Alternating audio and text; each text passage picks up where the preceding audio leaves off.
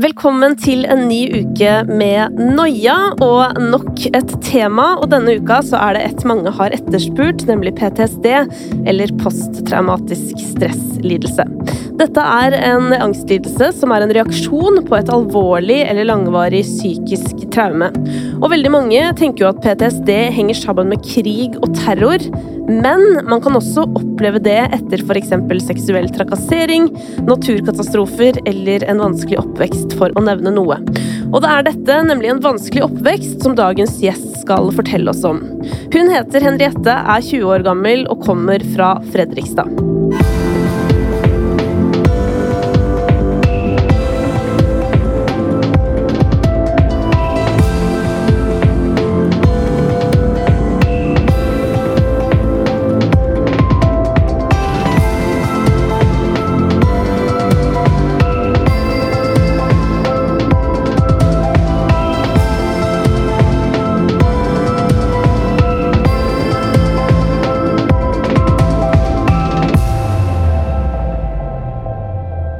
Så mye respekt av at du har motet til å være her, Henriette. Hvordan har du det med å være her? Nei, det er litt skummelt, da. Men eh, ja, det er spennende. Jeg tror det skal gå fint. Så bra. Du har jo nylig fått eh, diagnosen kompleks PTSD. Ja. Men før vi kommer dit, så har jeg lyst til å bare gå litt lenger tilbake i tid. Kan du fortelle om det måte du husker som din første opplevelse med angst?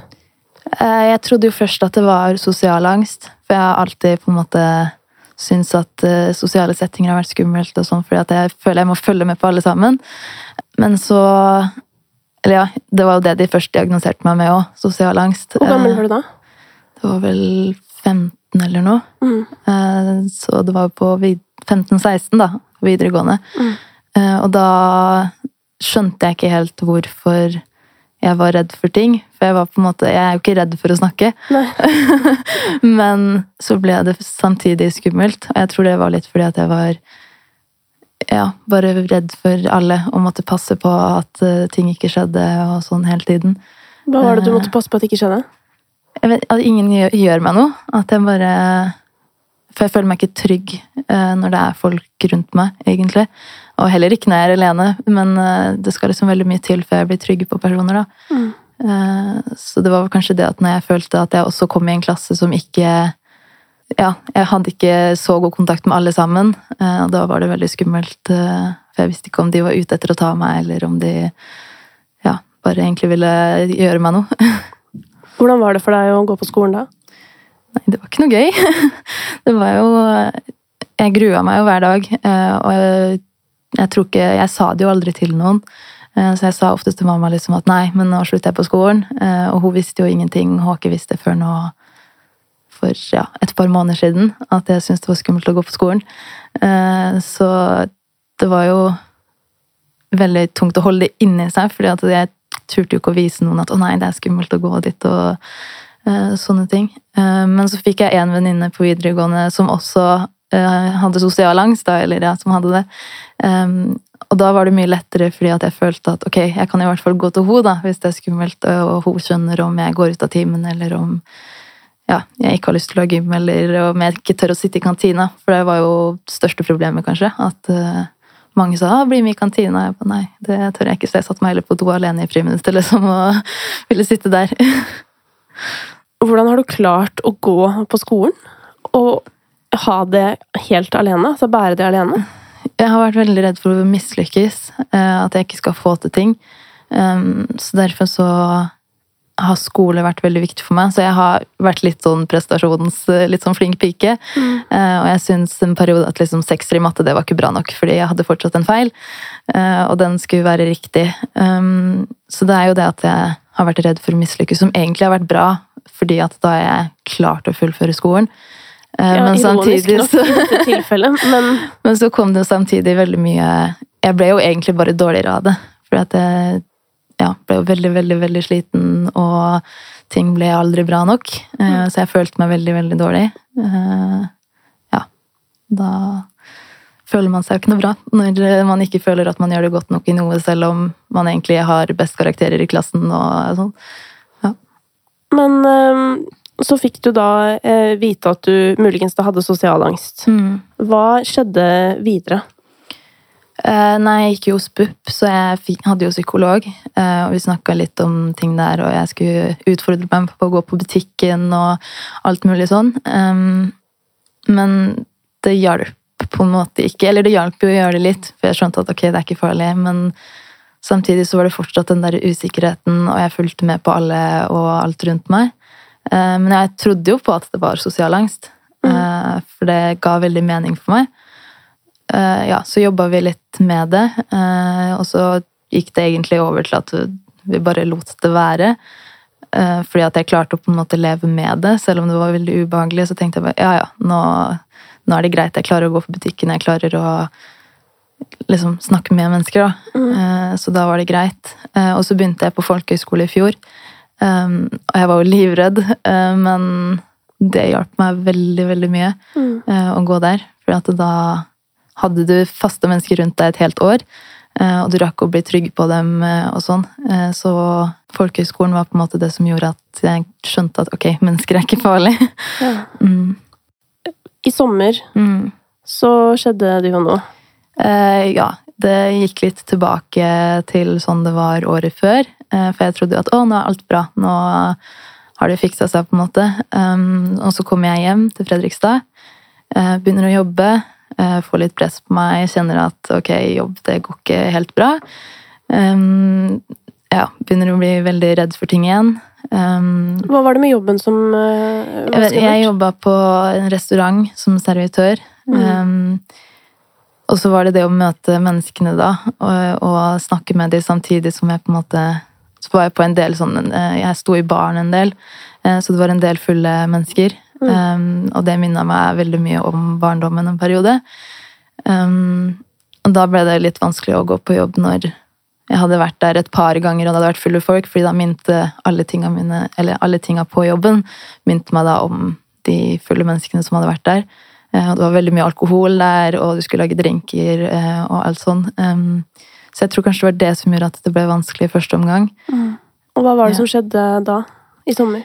Uh, nei, da turte jeg ikke gå på jobb, så jeg gikk til legen og fikk sykemelding. Uh, først fordi at jeg var så sliten. Um, og så gikk jeg på jobb en dag til, og da brøt jeg helt sammen på jobb og klarte ikke mer. Uh, så da gikk jeg hjem den dagen. Um, og så ja, snakka jeg med kjæresten min, eh, og da hadde jeg allerede klart å falle tilbake til selvskading, som jeg hadde klart å slutte med tidligere det året. Um, som gjorde at jeg måtte på legevakta. Um, og da når jeg kom hjem igjen og snakka med kjæresten min, så var det sånn ok, du må få gjort noe med det her. Hvis det skjer igjen, så må vi på en måte gjøre noe. Um, og det skjedde jo igjen dagen etter. Jeg skada meg igjen da. Uh, og da skjønte jeg at ok, jeg må, jeg må faktisk be om hjelp, fordi jeg klarer ikke det her. Og hvis jeg skal klare å starte i praksis, som jeg gjorde nå i høst, da, så måtte jeg på en måte få et eller annet hjelp for å komme meg ut av det, fordi at alt var veldig mørkt, og jeg ville egentlig bare forsvinne. Så da ringte Eller snakka jeg med ambulant team, og så fikk jeg en innleggelse på Kalnes på sykehuset, på psykiatrisk der. Um, jeg skulle egentlig først bare være der et par dager, mm. bare for å liksom stabilisere meg, som de sier. Uh, og det fikk jeg liksom høre etterpå. Da, ja, men det hjelper jo ikke å komme inn, bli stabilisert, uh, gå ut igjen, og så Rett i destabilisering? ja, det er liksom, du må fram og tilbake hele tiden fordi du skal stabiliseres for noe du egentlig ikke vet hva er. Um, så da kom jeg inn på utredningsavdelingen, eh, og der tok vi en del sånn skjemaer og undersøkelser. Um, og da fant de ut det at eh, mest sannsynlig så er det kompleks PTSD, da, fordi jeg har opplevd en del ting i barndommen som Jeg vil ikke si at det er veldig alvorlig, så derfor har jeg på en måte ikke sagt det til noen, fordi jeg syns at det er teit. Det er veldig sånn Hvorfor skal det ha påvirket meg? Altså, alle burde tåle noe sånn. Eh, men så er det det at det har skjedd om og om igjen. Jeg har hele tiden vært usikker og ikke følt at jeg har hatt kontroll når ja, for faren min har drukket. Uh, Ja, ja. for nå er det sikkert mange som er nysgjerrige som hører på. Um, hva var det på en måte i oppveksten som gjorde at du har blitt så usikker og redd? Altså, faren min har alltid drukket når jeg har vært mindre, på spesielt ferier og sånne ting. Eh, han drakk ikke hverdagen, Eh, men det var ferier og en del helger, og hver gang det var noen spesielle anledninger, så drakk han veldig mye. Mm. Eh, som gjorde at han ble dårlig på hverdager, ikke sant? fordi at da ville han drikke, men han gjorde det ikke, så da ble han dårlig humør og mye sint eh, og sånn. Men det var det at når han drakk, så Han var veldig koselig og veldig på å klemme og veldig på på en måte si fine ting og sånn, eh, men jeg ble veldig usikker på han. Eh, fordi at hvis jeg kommenterte at han drakk, så ble han veldig, veldig sint. Eh, og da kunne jeg få høre mye stygt, og det var veldig at han klemte mye på meg, og i perioder så var jeg redd for hva han på en måte kunne gjøre mot meg, da. Jeg har ikke hatt lyst til å si det til noen, for jeg føler at Altså, han ville jo ikke gjøre noe, men jeg kjente på den redselen for at han skulle gjøre meg et eller annet.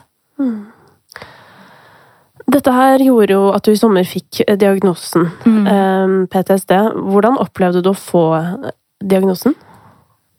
Det var veldig skummelt, eh, og jeg tenkte at ja, men nei, det er ikke riktig, det er ikke riktig, fordi jeg har ikke opplevd nok. Ikke, det er ikke alvorlig nok, og det er ikke noe som burde påvirke meg. Eh, Så jeg tenkte liksom at nei, men det er helt feil. Og så begynte jeg å skjønne det at ja, men de jeg trodde var panikkanfall, er jo flashbacks. Eh, Og grunnen til at jeg blir urolig, er fordi at jeg hører de tingene som jeg ble sagt, eller som jeg ble fortalt hele tiden. eh, Og at jeg ser for meg de situasjonene som jeg syns har vært skumle. Mm.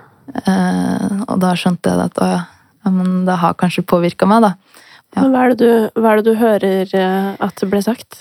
Eh, Det er én ting som gikk veldig inn på meg. Eh, Det var egentlig etter at jeg begynte å ha det vanskelig. Fordi jeg prøvde å ta livet mitt da jeg var 16. eh, Eller 17, jeg husker ikke. Um, Og det var det bare mamma som visste om, trodde jeg. Men han, eller hun hadde snakka med pappa, så når han ble sint en dag da, så kom han inn i stua, og så sa han det at du kan gå og ta livet ditt, men jeg skal gjøre det først. Um, og akkurat den der eh, gjorde ganske vondt. da, og så gikk han ut etterpå og kjørte med bilen, og da trodde jeg at nå mister jeg pappa. Og ja. Å, jeg var så tårerende. Er- altså, det her er jo Altså, hvor, hva er det du tror man må oppleve for å få PTSD? Nei, det er jo det at du hører at du må gjennom krig, du må gjennom seksuelle overgrep og alt det her. Eh, Jeg tenkte at liksom, ja, men altså, det er bare noen som har sagt noe til meg. Eh, Og det burde ikke bety noe. For jeg tenkte, du hører alltid om at det er voldtekter, om at det er eh, folk som har sett at folk har blitt drept, det har vært ulykker og alt sånn. Eh, Og det her, her er bare en setning, på en måte. Det er jo egentlig ingenting. Jeg tenker at det er desto viktigere at du forteller dette, da, Henriette, fordi du er jo åpenbart ikke alene om å ha fått reaksjoner på den type opplevelser du har hatt, og det er rimelig heftig opplevelse, det du nettopp fortalte. Ja, og så er det jo det når det går igjen på en måte Ikke akkurat det, men du hele tiden hører ting fra faren din som ikke er så veldig koselig. Eh, og altså, jeg vet jo det på en måte at han ikke mente det, for han hadde det jo ikke bra, han heller. Um, men det er fortsatt ikke greit, på en måte. Jeg hadde tenkt at ja, men da har han, da er han en unnskyldning. Da er det greit, siden han ikke hadde det bra. Men ja, det er jo ikke det likevel. Hvis du skulle forklart til en som ikke aner hva det er å ha PTSD, Mm. hvordan det oppleves, hvordan ville du forklart det? Jeg vet ikke, jeg begynner bare å merke Eller jeg går hele tiden og tenker på at folk kommer til å gjøre meg noe. eh, At de er ute etter meg og kommer til å på en måte Alt jeg sier, kan på en måte bli brukt mot meg og sånne ting. da. Eh, Og så er det jo en del med det her at jeg hele tiden, eller i perioder, eh, gjenopplever hendelser. Um, og det er jo det jeg trodde var eh, panikkanfall. da. Så da får jeg veldig høy puls, og jeg begynner på en måte å føle på kroppen det jeg følte da. Jeg kan føle at han sitter og klemmer meg når han ikke er der. Eller jeg kan se for meg situasjonene og føle at de er veldig virkelige, da. Um, ja, det er egentlig vanskelig å forklare ja, uten at man høres helt gal ut. Det er jo sånn, jeg også syns det er umulig å forklare panikkanfall til folk, for Mm. eksempel. Det er vanskelig når man ikke har hatt det sjøl, fordi det er såpass fjernt liksom, Ja. fra det, det å an være i en normaltilstand. Ja. Det er jo ekstremt i forhold. ja, det går ikke an å skjønne liksom, hvis man ikke har gått igjennom det. Og da er det vanskelig å forklare det òg, fordi at det er jo ingenting som gir mening til at det er sånn som det er. Det er ikke noe ord som beskriver det. Men i tillegg til da disse eh, tingene du har hørt da, bli Mm. sagt igjen, er det noen andre på en måte eh, minner som dukker opp i de periodene du har flashbacks? Eh, ja, det er en del skumle episoder hvor faren min har drukket Vi har eksempel vært ute på båttur en gang um, og skulle hjem. Eh, han hadde drukket veldig mye, og jeg tenkte at det her går ikke, han kan ikke kjøre den båten hjem. Men det skulle han, da. Eh, så vi kjører fra Jeg husker ikke helt. Det var ute i Hvaler, skjærgården der. Um, og så kommer vi et stykke, og plutselig så hører jeg et dunk, og hele båten rister. eh, Og da har han kjørt på land. Um, og det går jo heldigvis fint da, men jeg blir jo veldig veldig redd. Jeg tror jeg tenker at nå, nå dør vi, nå kommer vi oss ikke hjem. Um, og så kommer vi på en måte ut igjen, og så kjører han på land igjen uh, og igjen. Og sier at han vet ikke hvor han skal. Uh, og det er helt mørkt, og vi prøver å på en måte si at ja, men du må den veien, du må den veien. Uh, og han skjønner ikke, selv om vi ser byen, det er lys fra byen, så kommer han liksom ikke Han får ikke styrt denne båten ut fra fjellet der, da. Så vi står og dytter inntil fjellet og prøver å komme oss ut. Jeg husker bare at jeg var veldig, veldig redd og sto og kjefta på mamma og pappa og alle sammen. For jeg tenkte at bare hvorfor, hvorfor skjer det her? Eh, han skulle jo ikke ha kjørt den båten i det hele tatt. Hvorfor er det ingen som sa det før vi dro? Eh, men det gikk jo fint. Altså, vi kom oss Jeg tror plutselig et eller annet som ja, klikka i hodet hans, sånn at han skjønte at ok, nå, nå må jeg på en måte gjøre noe. Så kom jo, vi kom jo oss inn til land. Eh, Men det tok eh, tid. Det var veldig skummelt. Men, men hvordan dukker da den hendelsen her opp i hodet ditt i senere tid? Jeg ser ofte Jeg får ofte liksom bilder av Jeg har ofte vært Hvis jeg hører høye lyder eller sånn krasjlyder, eh, så ser jeg for meg akkurat da hvor vi krasja i fjellet, og ting datt ned fra hyller og sånn. Um, jeg husker bare at da Ja, jeg vet ikke. Jeg hadde bare en sånn veldig, veldig stor redsel inni meg. Eh, og det er ikke sikkert at det var nødvendig, eh, men jeg var ikke veldig gammel, holdt jeg på å si. Og ja, jeg følte meg bare veldig utrygg. Eh, og så er det ja, ser jeg for meg at jeg bare står og kjefter på mamma og pappa, for jeg har dårlig samvittighet for det òg, at jeg har kjefta veldig mye. Um, men det er liksom enkeltscener, da, enkelte bilder som kommer fram. Det er ikke så mye som den filmer, det er mest uh, bilder og lyder. Mm. Hvordan er det for deg å fortelle om det her nå?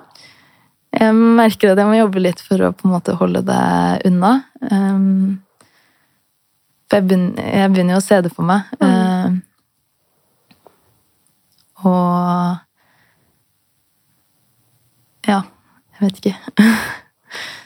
Det er jo det som er så utfordrende med det her. Det er så Mm. vanskelig å snakke om det nettopp fordi det Ja. kan jo sette i gang de tinga som nettopp er vanskelig. Ja, så i sommer når jeg var innlagt, så begynte vi å skulle liksom ja, snakke om ting og sånn. Eh, Men da var det allerede så mye som stressa meg, og så mye som var ja, grunnen til at jeg var der. da. At, eh, og jeg hadde allerede så mye problemer med den selvskadinga at det gjorde det bare verre. Um, så da måtte vi på en måte utsette det, og først jobbe med det å håndtere følelsen først, da, før vi kan snakke om det. Um, Du måtte avbryte behandlinga ja. nå i sommer. Ja. Uh, Det ble bare å på en måte prøve å stabilisere seg igjen, sånn som jeg sa. at uh, ja, uh, Og prøve å finne ut hvordan jeg kan håndtere de følelsene når de kommer. Hvordan jeg håndterer de flashbacksene. Fordi min måte har jo vært det å skade meg, fordi at da kommer jeg ut av det. Da kjenner jeg noe på kroppen som er sterkere enn de andre følelsene. Hvordan påvirker PTSD deg i hverdagen din? Eh, Det er mye det at jeg liksom hele tiden må ta hensyn. Altså, å være sosial tar veldig, veldig mye energi, for jeg må hele tiden jobbe med å ikke tenke på de tingene og hele tiden ja, jobbe med å konsentrere meg og følge med på det som skjer, istedenfor å høre på alt som skjer inni hodet mitt.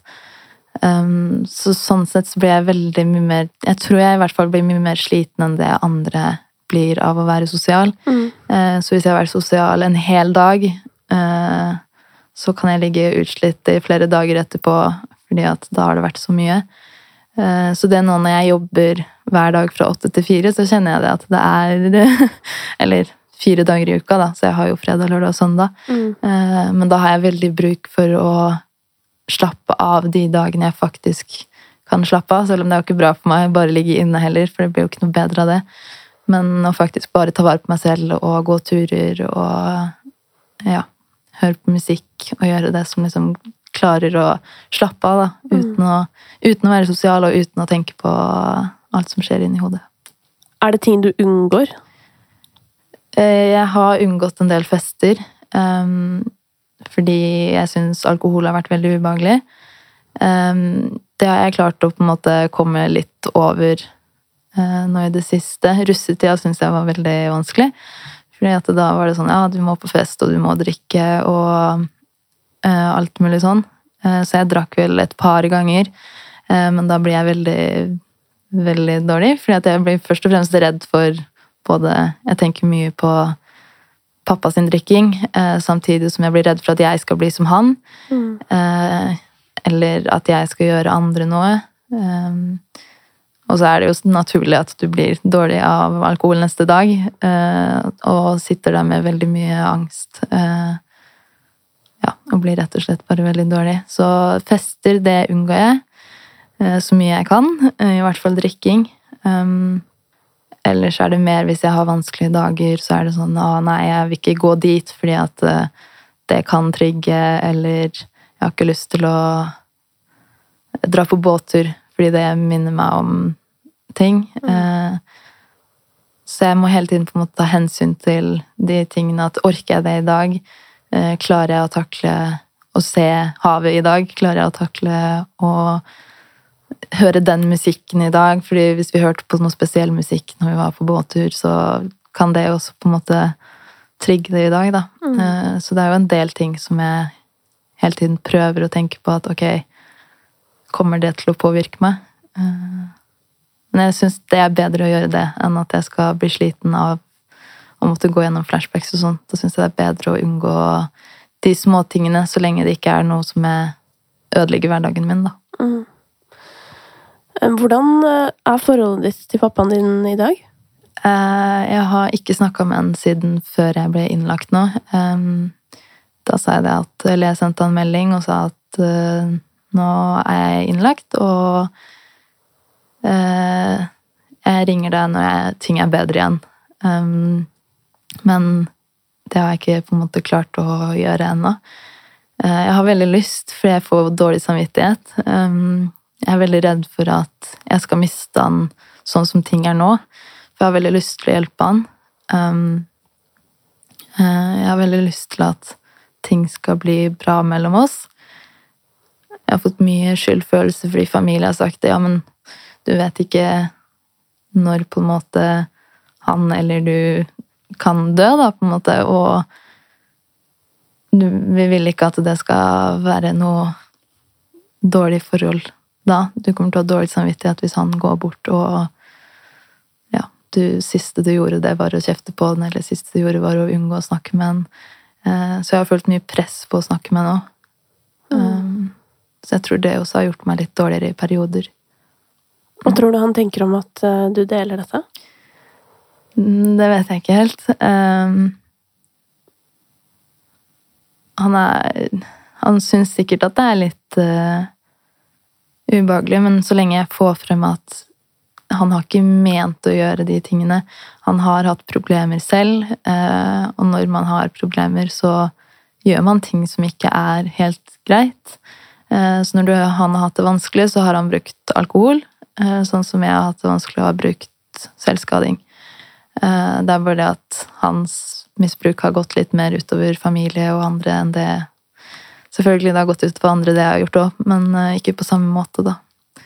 Eh, Så jeg tror Ja, jeg tror kanskje han syns at det er litt sånn å nei, nå kommer hun til å henge meg ut. men det er ikke det jeg vil. Så da tror jeg det er greit. Mm. Karina Paulsen, psykologen vår. Mm, Velkommen hit. takk. Du, Henriette forteller jo nå om at hun sitter med mye skyldfølelse. Mm, Hvor vanlig vil du si det er? veldig. Jeg får en dyp respekt for deg som menneske. eh, Og det du forteller, de erfaringene du har blitt utsatt for. Også på vegne av andre mennesker som opplever det samme, og kjenner på en ansvarlighet, kjenner på en skyldfølelse for å ha vært utsatt for noe som de ikke selv har kontroll på. Kontroll nevner du også, ikke sant? Du har forsøkt å tilpasse deg eh, og kontrollere det du kan, fordi at du har vært utsatt for for mye ansvar, tenker jeg, i forhold til hva du kunne og skulle bære i den alderen du har vært i. Eh, Så på mange måter så kan man jo si at reaksjonen din er et forsøk på å tilpasse deg på en god måte. Ja. Eh, konstruktiv tilpasning der og da. Og at du deler er så viktig fordi at vi nettopp kjenner PTSD som noe man ser på film, Mm. eh, som de som har vært i krig, sett død, sett forferdelige hendelser. Men det som er det vanligste, det er jo nettopp lignende historier som du forteller. Ja. Det rammer ca. 1% av befolkningen. eh, Og posttraumatisk stresslidelse, som PTSD står for, det er kanskje den mest omtalte traumelidelsen vi har. Hva er det som egentlig skjer eh, i hjernen når man utvikler PTSD? Eh, Det er en overaktivering av amygdala, som er hjernens stressberedskaps fight or flight-knapp, på en måte, som skal sette oss i beredskap for å kunne overleve, rett og slett. Så det er en konstruktiv tilpasning. eh, Naturlig reaksjon på en unaturlig situasjon. Og så skjer det at når amygdala er overaktivert, så, så dempes aktiveringen i et område i hjernen som heter hippocampus, som er involvert i hukommelse. Og da skjer disse tingene med, eh, med minne, med erfaringer, med hvor, måten de lagres på. Eh, Det er den teorien man har, da. Det finnes jo også flere, flere teorier, og dette er jo sammensatt og veldig, veldig, veldig komplekst. For det er jo eh, på samme måte som at du forteller når du kan bli trigga av lyder eller lukter eller den type ting, så er det jo også eh, noe av det samme med, med panikkanfall. Det er jo også Mm. sånn at I hvert fall sånn mitt første panikkanfall. De tingene som ble sagt, lydene, lukten, det er sånn som gjør at min amygdala eh, reagerer fortsatt. Ikke sant? Hvis jeg sitter på en restaurant med masse lyd, som jeg gjorde den gang, så er jeg sånn med en gang på vakt sånn Nå, Mm. nå begynner det å skje noe her. Nå må jeg Skal jeg ut nå? Skal jeg bli sittende? Eller Og det er Ja. ren beskyttelse. Det er ren beskyttelse. Og flashbacks, som du beskriver, du beskriver det veldig fint. Veldig eh, autentisk.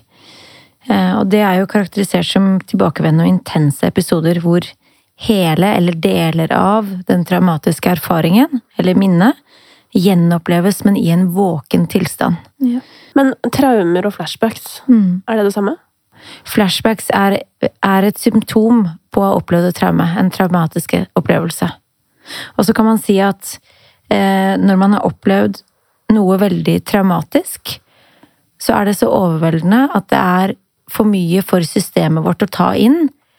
Eh, så er det en teori på det at flashbacks da blir som puslespillbrikker, som, som gjør at hele bildet kan falle på plass over tid. Så det, noe av det man får hjelp til f.eks. i terapi, det er å tolke på signalene på en annen måte. Nærme seg kanskje situasjoner man unngår. Um, og prøve å tolke de, forstå de i en ny kontekst, og på den måten være trygg, og på den måten håndtere følelser og reaksjoner på en konstruktiv måte. Poenget her er å bli trygg. Hvis vi skal snakke om Henriette sine opplevelser, da, som hun har delt, som da eh, traumer Mm. fra oppveksten, så eh, forteller jo du, Henriette, at du på en måte ikke syns dine traumer er ille nok. Nei, det føles ikke ille nok ut til at det skulle påvirke meg. I hvert fall.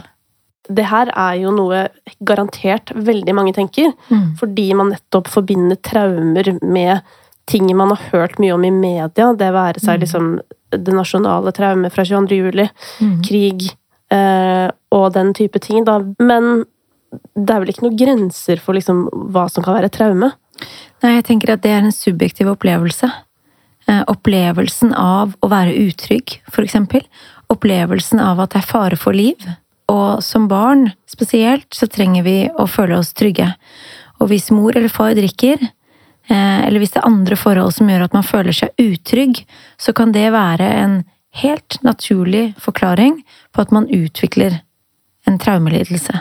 Mye av essensene her handler også om opplevelsen av å måtte ha kontroll, som du beskriver, og kontroll i sosiale settinger, ha et overblikk, og du bruker mye kapasitet på å forsøke å, å ha en kontroll, fordi at den kontrollen har ikke vært til stede Nei.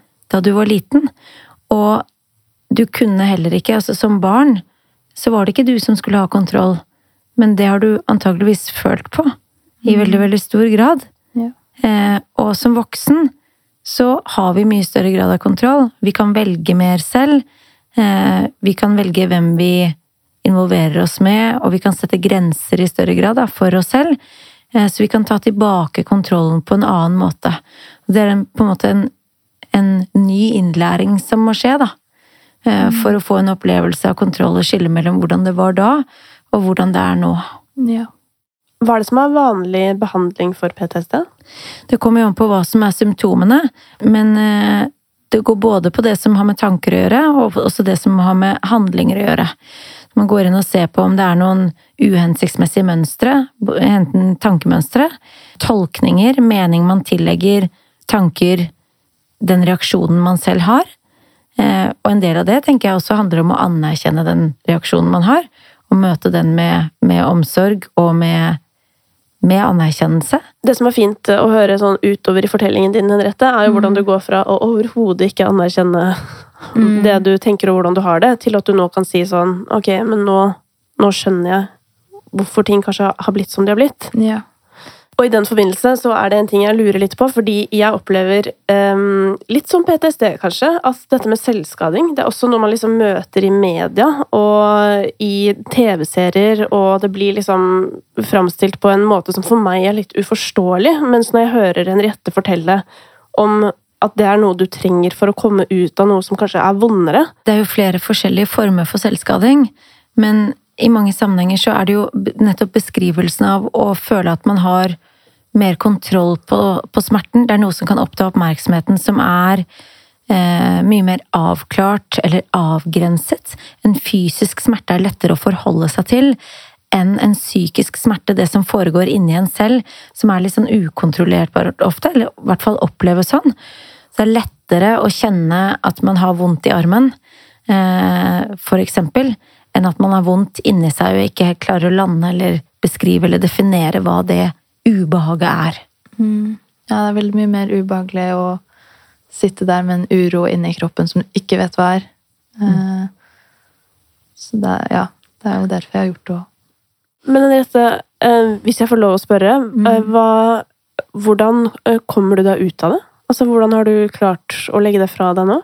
Eh, Det er egentlig mest hjelp av folk rundt meg. Eh, Det er fortsatt veldig vanskelig. Jeg har fortsatt veldig lyst til å gjøre det innimellom. Eh, Men så har jeg en kjæreste som hele tiden er der for meg. Og hvis jeg har lyst til å gjøre det, så tenker jeg at da sårer jeg han egentlig like mye eller mer enn det jeg sårer meg selv. Um, altså, jeg kunne ikke tenkt meg hvordan det hadde vært hvis han hadde skada seg på den måten. Eh, Så jeg prøver å sette meg i den situasjonen. Fins det tips for hva man kan gjøre i stedet for? Jeg tenker at noe av nøkkelen her er innsikt i sin egen situasjon. eh, Hvorfor man gjør som man gjør. eh, Og, og se om man kanskje klarer å tenke litt sånn at man kan surfe bølgen. Legge merke til at trangen eller behovet for å handle på eller fjerne eller eh, Og da i form av selvskade, da. eh, Skade seg selv. Kommer. Først roe ned, og så vente litt. Og det å noen ganger utsette og se hva skjer da. Hva skjer med behovet for å skade? For ofte så blir jo det en, en litt sånn panisk handling i desperasjon. Eh, og hva skjer med den desperasjonen, den aktiveringen som foregår inni deg? Hvis du venter bare lite grann, og hvor lenge klarer du å vente? Klarer du å vente ett sekund? To sekunder? Et pust? Fem minutter? Og da se hvordan aktiveringen etter hvert naturlig går ned. Ja, for Hvordan har du opplevd det, Henriette? Å ta, ta de ekstra rundene med deg selv? Hvordan har det virka på deg? Eh, altså det er veldig vanskelig. Hvis jeg har noe i huset som jeg kan skade meg med, så er det veldig fort gjort at jeg heller går til det. Eh, så jeg pleier egentlig bare å legge meg i senga og tenke at nei, nå, nå må jeg ligge her i så og så lang tid. Eh, eller så har jeg, jeg og kjæresten min har eh, funnet sånn kodeord for at uh, nå, nå, vil jeg skade meg, så da sier jeg at uh, nå vil jeg klemme sitron. så da er det mye lettere å si ifra enn å si at jeg vil skade meg selv. Mm. Det er liksom veldig sterk greie, så derfor så klemming av sitron, det høres liksom sånn Det høres koselig ut. Høres ut som å lage lemon curd. Ja. Men hva, hva gjør han da? Eh, da blir det bare at han er med meg, og vi prøver på en måte å gå tur, eller han snakker med meg og spør hvorfor vil du det nå, hva er det som skjer? Eh, sånn at jeg heller kan få ut følelsene på den måten. Eh, og han passer på at jeg ja, passer egentlig på at jeg klarer å avlede meg, da, istedenfor å gjøre meg noe vondt. Henriette, du har jo opplevd det som er min største frykt. Rett ved der jeg bor, så er det et sykehus for folk som har mentale utfordringer. Jeg går forbi det hver dag til og fra jobb, og jeg kan kjenne pulsen øke den dag i dag når jeg passerer, fordi jeg er så redd for at jeg skal måtte ende opp der på et tidspunkt. Ja, den skjønner jeg. Men uh, jeg var veldig redd for det.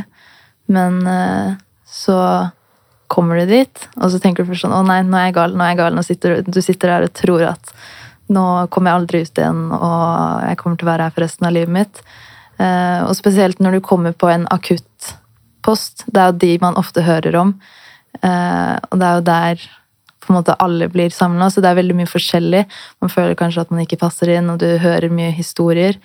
Eh, men så fins det jo roligere steder hvor man faktisk bare får slappe av.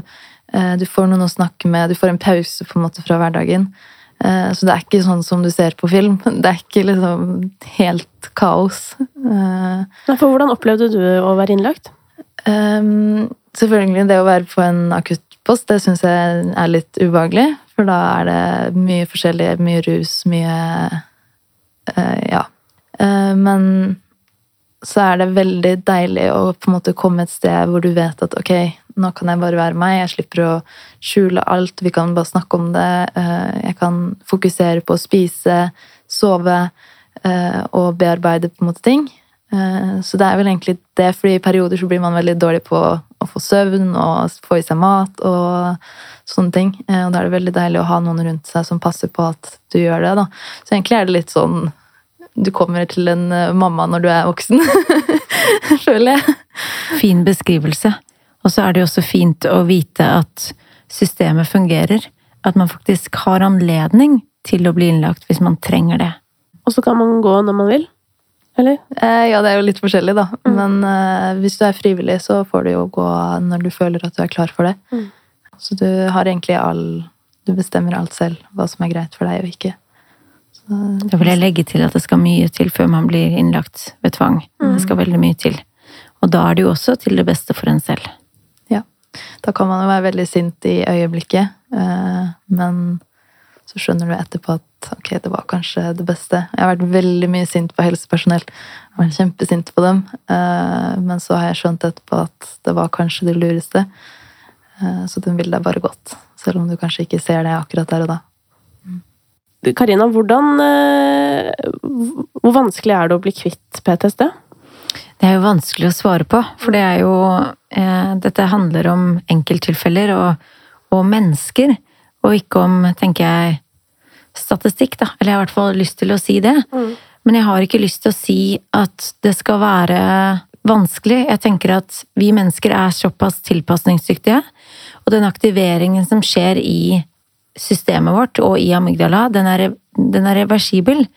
Eh, så gjennom behandling så kan vi lære å roe hele systemet, og det kan også skje som en naturlig reaksjon da, på at vi er i et terapiforløp, at vi opplever en trygghet med behandleren eller behandlerne vi møter, og klarer å koble oss på også de menneskene vi har i omgivelsene våre, eller at den personen det gjelder, da, klarer å koble seg på trygge mennesker i omgivelsene, og på den måten kjenne trygghet og kunne hente støtte fra andre mennesker rundt seg, som også er helt, helt avgjørende. Så prognosene er veldig gode. Mm. Det er jo det det høres ut som du gjør med kjæresten din, Henriette. ja, det er kanskje det. Mm. På mange Der... måter så er jo de menneskene vi, vi, velger til i voksen alder, det kan representere en trygg tilknytning. Eh, og som er spesielt viktig hvis vi ikke har opplevd en trygg tilknytning som barn.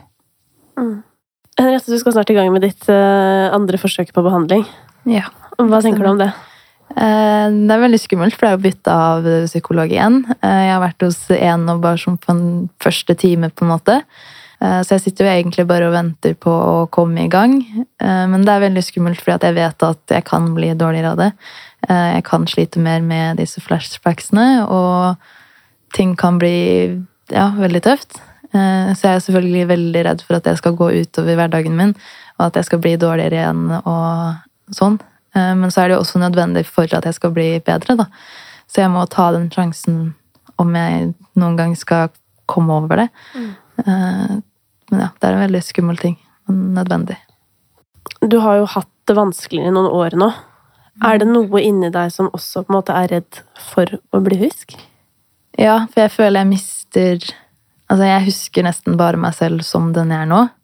Eh, Så jeg føler kanskje at jeg mister meg selv litt eh, hvis jeg blir frisk. Eller hvem er jeg hvis jeg blir frisk nå? Hvem Hvordan føler jeg på ting? Eh, Hva gjør jeg? Hvem er jeg som person? For hittil så har jeg på en måte vært litt Ja, vært diagnosen min, føler jeg. Eh, så Det å miste miste den, da føler jeg kanskje at jeg mister en del av meg òg, men så vet jeg jo det at jeg er jo en person uten det. Eh, Det bare Jeg vet ikke hvem, og det er litt utrygt å skulle gå til noe jeg ikke vet hva er. Og hvis du er den samme, bare uten å være så redd. Ja, det er det jeg håper at Mm. det er, da. Mm. Hvordan ser du for deg fremtiden da, Henriette? Eh, Jeg håper jeg bare kan komme i gang med behandling, Mm. eh, og at det går bra. Eh, At jeg egentlig blir kvitt det, eller i hvert fall nesten. Altså, jeg kommer jo alltid til å huske det. Eh, Det kommer jo sikkert alltid til å prege meg litt, eh, men i hvert fall at jeg kan ja, gjøre alle ting i hverdagen uten å være redd for å få flashbacks, eller uh, ja, at jeg skal klare å håndtere følelser, da. Uh, Så jeg håper jeg bare kan egentlig komme meg gjennom den behandlingen så fort som mulig nå. eh, Og faktisk jobbe med det. For det har jeg vært redd for før, å faktisk ta tak i det. Mens nå tror jeg at jeg ja, jeg er litt drittlei, rett og slett. Jeg har ting i livet mitt som jeg setter veldig, veldig pris på. Og jeg er på et sted hvor jeg har hatt lyst til å være veldig lenge. Men så sitter jeg med den ene tingen, og da tenker jeg at nå må jeg bare få vekk det. Og bare ja, sette, kunne sette pris på alt jeg har. Uten å ha noen begrensninger pga. noen dumme traumer. Møtet med Henriette gjorde veldig sterkt inntrykk på meg, både fordi jeg nå sitter igjen med en følelse av at det å bli innlagt ikke liksom er noe å grue seg til eller noe å frykte, men også fordi hun så utrolig modig forteller om sin historie, og ikke minst dette med å føle at det man selv har opplevd, liksom ikke er ille nok. Men jeg håper at du eh, opplever det litt annerledes etter at du har hørt praten vår. Og hvis du har spørsmål om PTSD, så vit at du kan sende inn eh, dine spørsmål nå på noiapodkast.no.